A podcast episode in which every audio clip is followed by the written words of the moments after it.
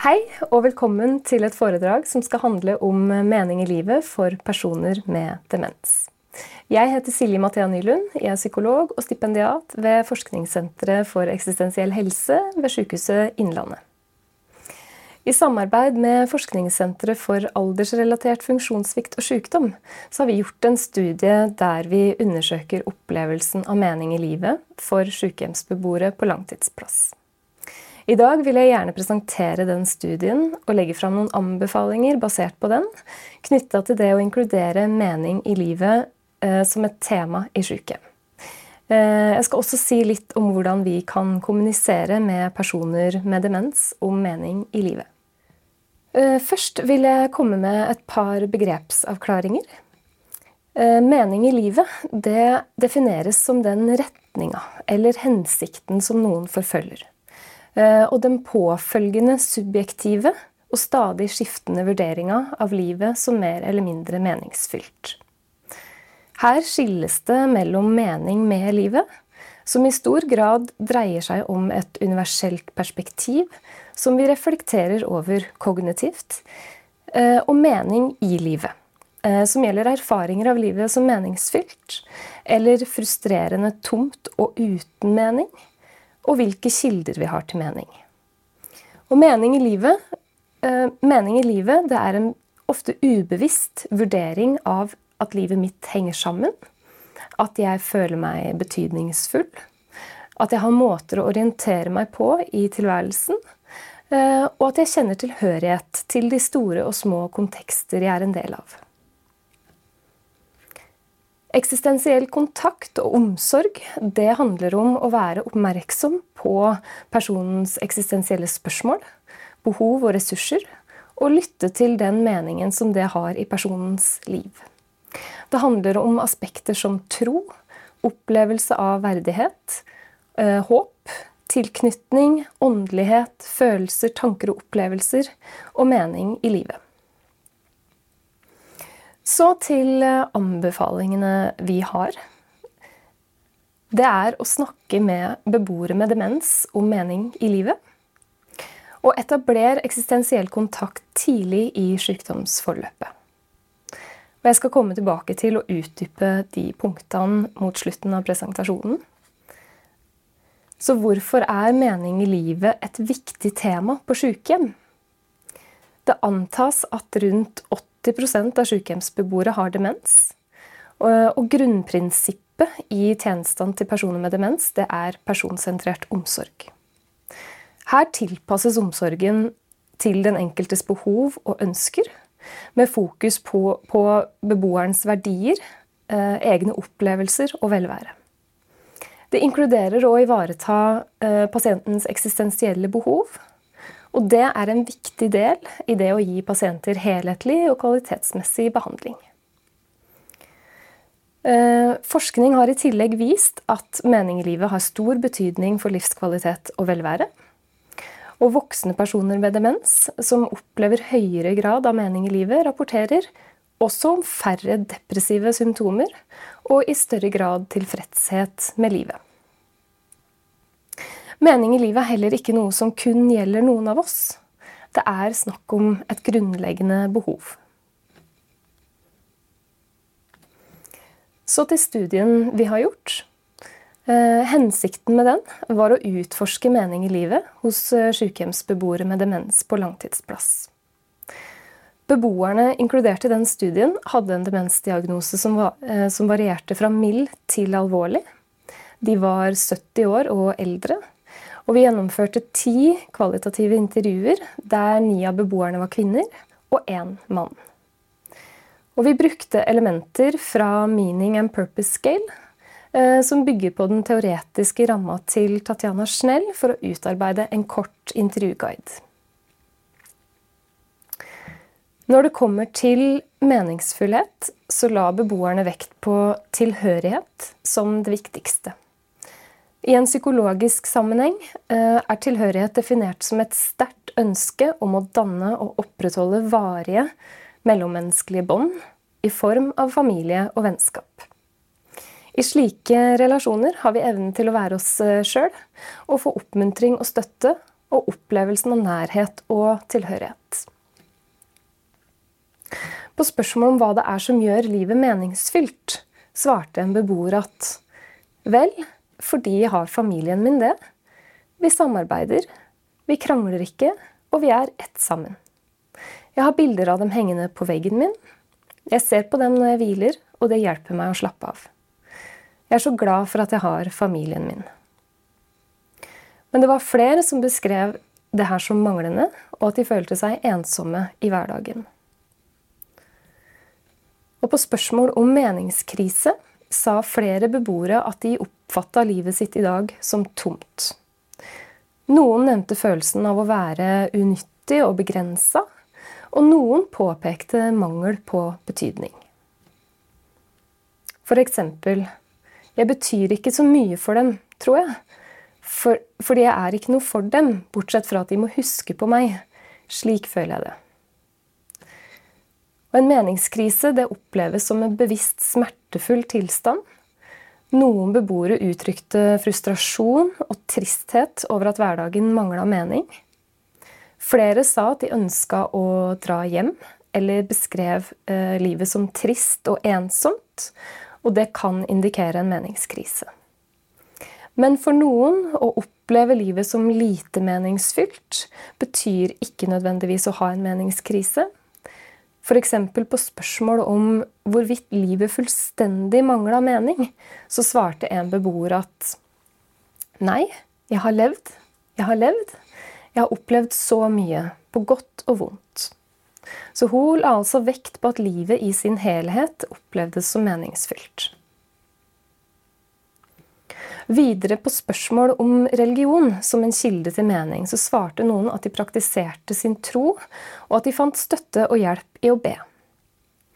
Bestemoren min var dypt religiøs, men jeg kan ikke si at jeg er direkte religiøs selv. Men jeg sier kveldsbønn eh, hver kveld. Det gjør jeg. Spesielt i vanskelige perioder så har det kommet noen flere bønner da, ja. Jeg stoler vel egentlig på den, at den hjelper meg.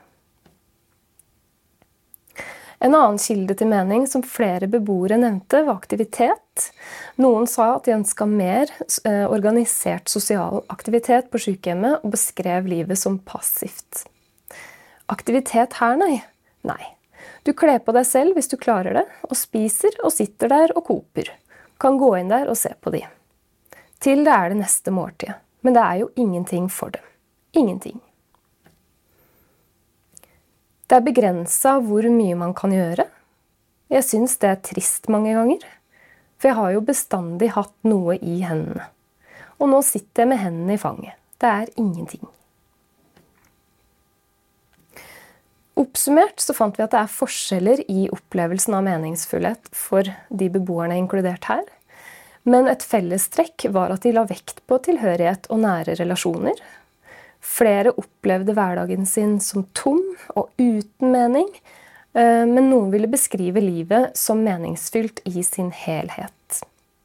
Blant kilder til mening understreka beboerne en slags privat religion og sosial aktivitet. Og til slutt så, så vi at likheten i mange av samtalene var at mange hadde fokus på minner og tidligere opplevelser. Og det skal jeg komme litt eh, tilbake til seinere. Så hvordan kan vi snakke med personer med demens om et så abstrakt tema som mening i livet?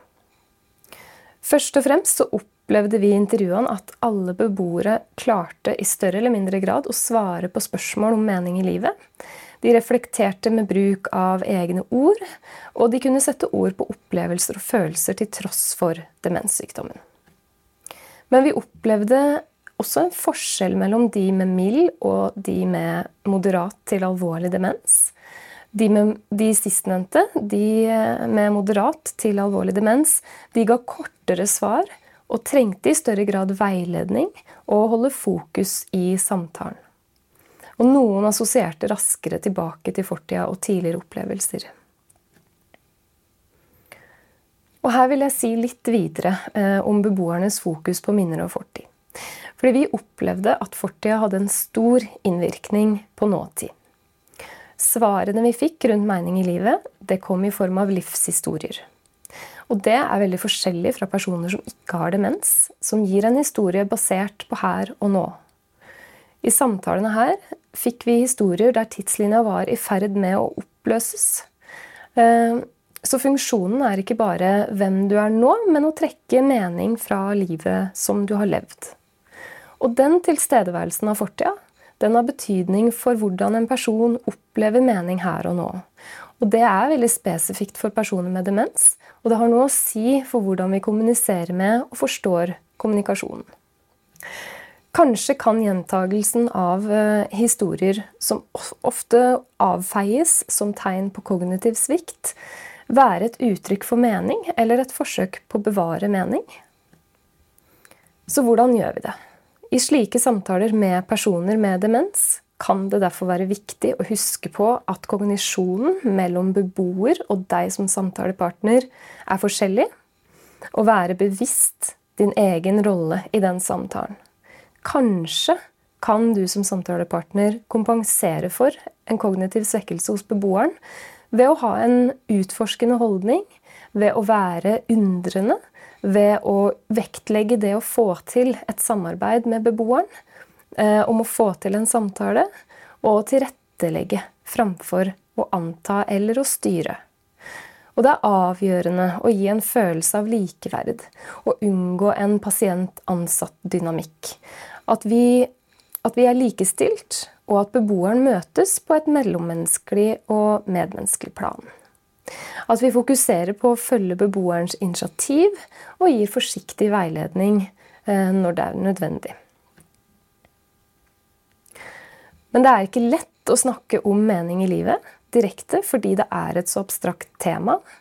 Så det kan være nyttig og enklere å snakke om det vi veit om mening, og hva det dreier seg om. Og det krever eh, litt kunnskap om feltet, men som eksempel kan vi snakke om betydning og sammenheng og retning og tilhørighet. Og videre om kilder til mening, eh, slik som religion eller generativitet eller tradisjon. Og om muligheten for at livet kjennes frustrerende tomt. Og videre vil jeg si at det krever noe av den som spør. Er vi litt redde for å snakke om det her med personer som er i sin eh, siste fase av livet? som bor på sykehjem og i tillegg har fått en alvorlig sykdom. Eh, vi må ha muligheten til å følge opp, og det krever tid. Og det er mangelvare hos helsepersonell på sykehjem. Men å ha fokus på mening i livet som en del av den personsentrerte hverdagen, det er noe vi bør håndtere og sette av tid til fordi det er så grunnleggende. Og det er særlig viktig når beboere opplever den omveltninga det kan være å flytte fra hjemmet sitt, og at de lever med en så brutal sykdom som demens kan være. Så oppsummert så utelukker ikke kognitiv svikt eller demens evnen til å snakke om eh, et abstrakt tema. Eh, tilstedeværelsen av fortid har betydning for opplevelsen av mening eh, her og nå for personer med demens. I samtaler om mening i livet bør vi være bevisst egen rolle og ha en utforskende holdning. Fokusere på samarbeid og likeverd. Eh, og vi møter på mange utfordringer med det temaet her på sykehjem. Og det er komplekst, men det er eh, viktig å prøve. Så tilbake til anbefalingene vi har. Det å snakke med beboere på sykehjem om mening i livet mener vi er viktig av flere grunner. Vi bør snakke om mening i livet som en vei inn til å forstå hva som er viktig for den enkelte beboer.